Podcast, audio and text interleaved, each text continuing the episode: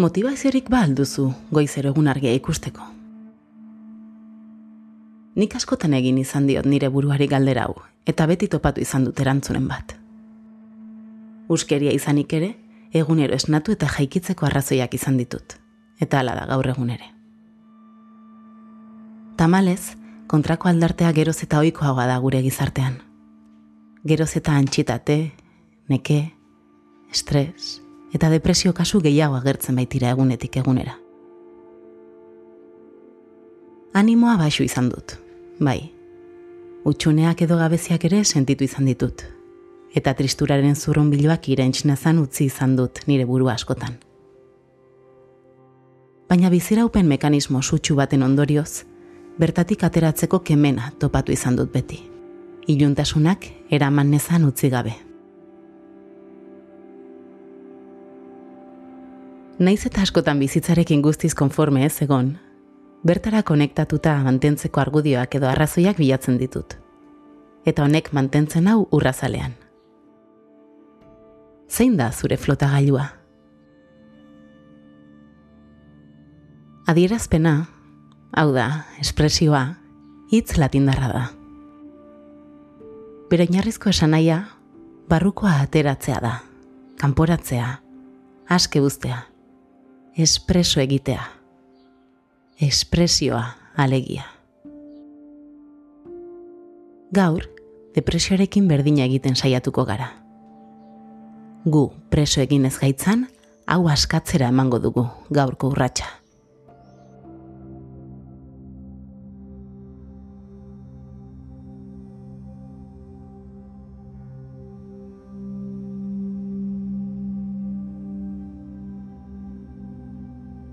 Naomi Mendizabal naiz eta hau urratsa da.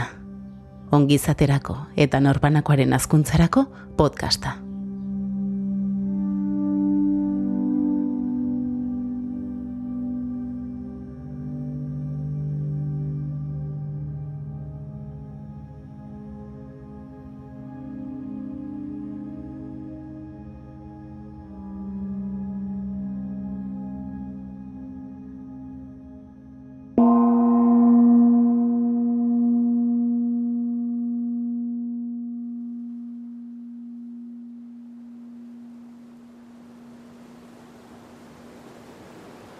Bidaia batean sartze hartzaude.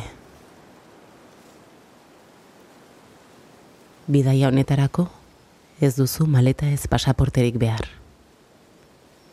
Mapa bakarra zure sentsazioak izango dira.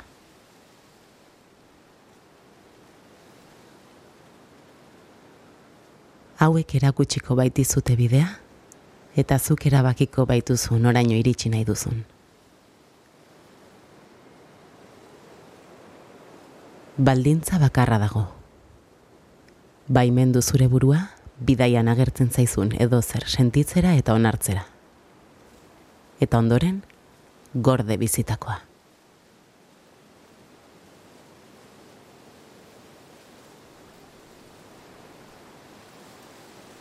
Pentsamendu, emozio, sentipen bakoitza, eskeronez agurtu eta jarraitu aurrera. Bidaiari hasiera emateko, itzal ingurua eta itxi begiak.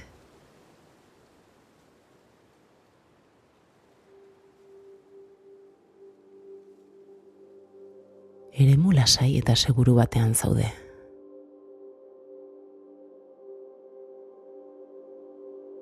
Zure gorputza modu erosoan etzan, edo eseri besaulki edo oean.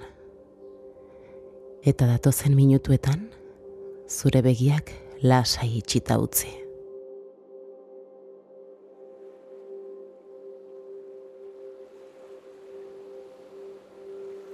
Gorputz fisikoa lasaitzeko, harreta gorputzeko atal bakoitzera ekarri, eta tentxatu eta soltatu gihar bakoitza. Tentxatu eta soltatu oinetako behatzak bernak, izterrak, ipur masaiak, bizkar osoa. Sabela. Bularra. Besoak. Eskuak.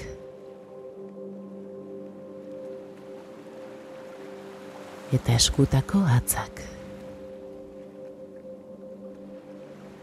Sorbaldak.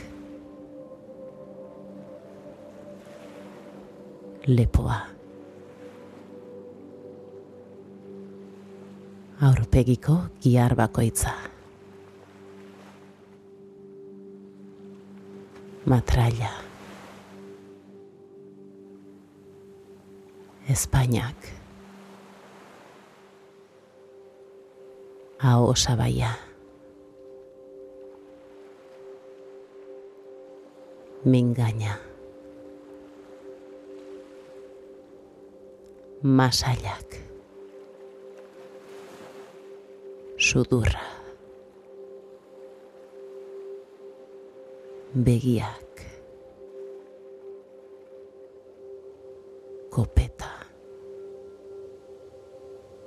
Sentitu zure gorputz osoa solte. Tentsiorik gabe. Eta errepikatu beharra bat aldiz, tentsio eta erlaxazio osoa. Gorputz osoko erlaxazioa lortu arte.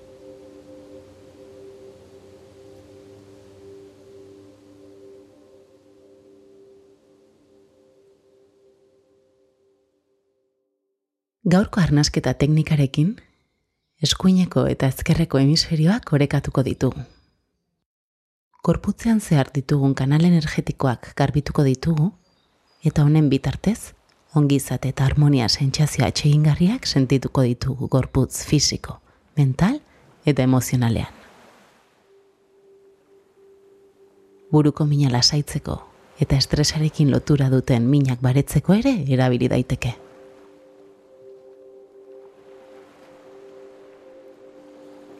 Eskuineko eskuaren atz potoloa, eskuineko sudur zuloa tapatzeko erabiliko duzu. Eta atzerakuslea edo makalena ezkerreko sudurtzuloa tapatzeko. Itxi eskuineko sudurra guztiz. Eta egin arnasketa sakona ezkerraldetik.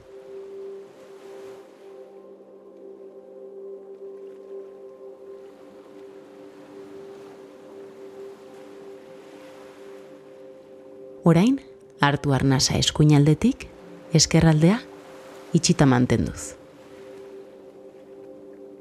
Eta izea askatzerakoan, itxe eskuinaldea ezkerraldetik askatuz.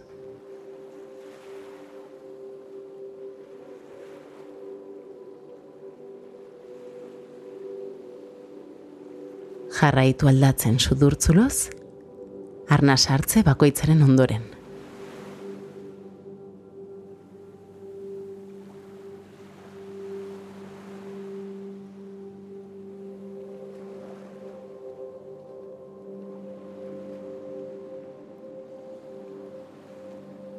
Ezkerretik arna sartzeak eta eskuinetik botatzeak lasaitasuna sor dezake. Eta zugan nahi ez dituzun emozio ezkor eta estresa identifikatzen lagunduko dizu. Eskuinetik arna sartu eta ezkerretik botatzeak argitasuna eta umorea emateaz gain, garrantzitsuak diren gauzetan enfokatzen lagunduko dizu.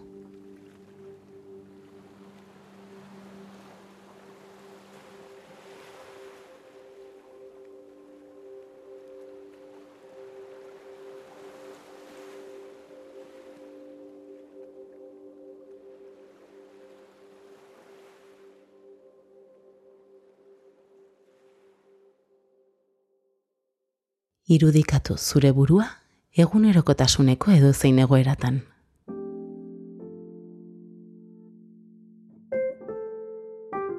Irudikatu baita ezaguna zaizun norbait, edo pertsona ez ezagunen bat, zuri begira. Bere begiradak maitasuna transmititzen dizu. Mirensmena. Eta zuregan aurbildu eta gustuko duzun zerbaiten inguruan hitz egiten hasi zaizu. Jarraian, pertsona gehiago gerturatu dira zuen ingurura. Eta denak ados daude, pertsona zoragarria zarenaren ideian. Geroz eta jende gehiago dator, eta zure janako begira da horiek denak maitasuna eta errespetua igortzen dizute.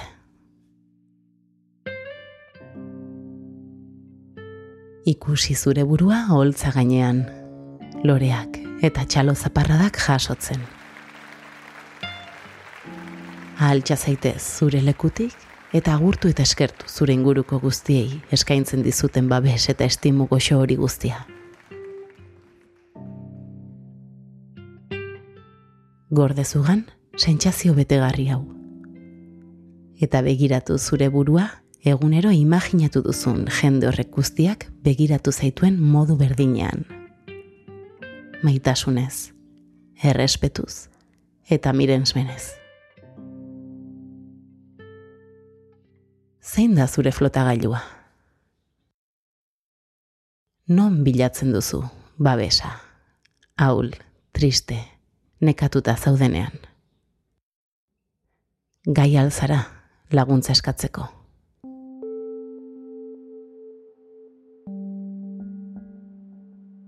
Askotan, muturreko tristura, animo aldakor basua, autoestimu basua, urduritasuna, loeza, utxunea, estresa, erlazio sozialen galera, horrelako sentsazioak izaten ditu.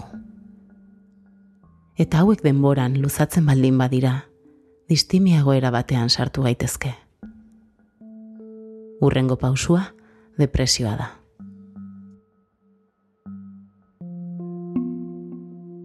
Estres edo depresio egoera honetan baldin bazaude, behin eta berriz etorriko zaizkizu burura pentsamendu asko gehienetan ezkorrak.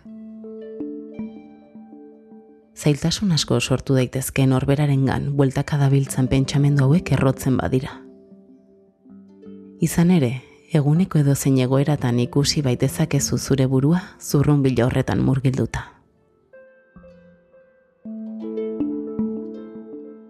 Batzuetan ez du zertan gertakarik kausal bat egon behar. Hau da, detonatzaile bat. Barrutik, gauzatxoak gertatzen hasten dira, besterik gabe. Agian, nekeagatik izan daiteke. Pilak amaitu zaizkizun arren, martxa berdinan jarraitzen duzulako. Agian, itxuraz lo zeuden zalantzak, agertu zaizkizu bat batean.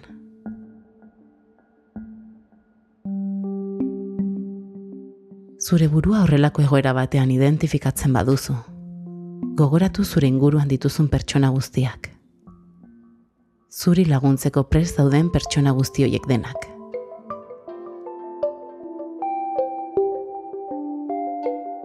Babesa eta beharrezko laguntza emateko dituzun lagun, senitarteko edo sendagileak.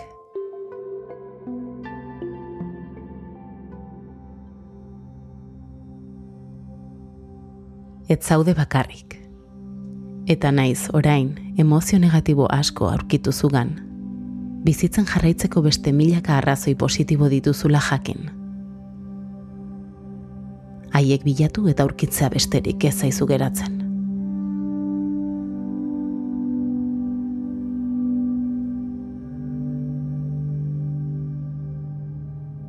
Ez erreza egoera horretan klik egin eta animo aldatzea baina jarri harreta zure flotagailuan. Zauden zulotik atera eta urra zalean mantentzen lagunduko dizun horretan. Piskanaka eta borondate askorekin, berriz ere goizeroko egun argia ikusteko arrazoia topatzea lortuko duzu.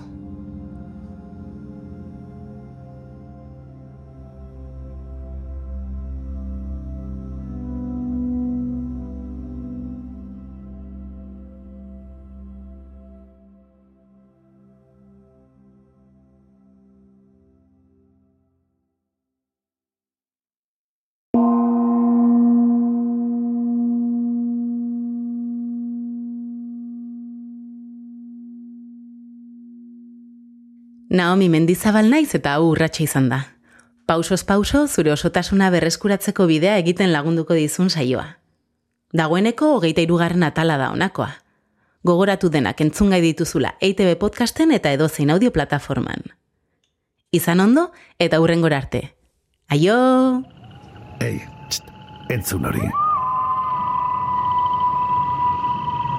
Ulu Media.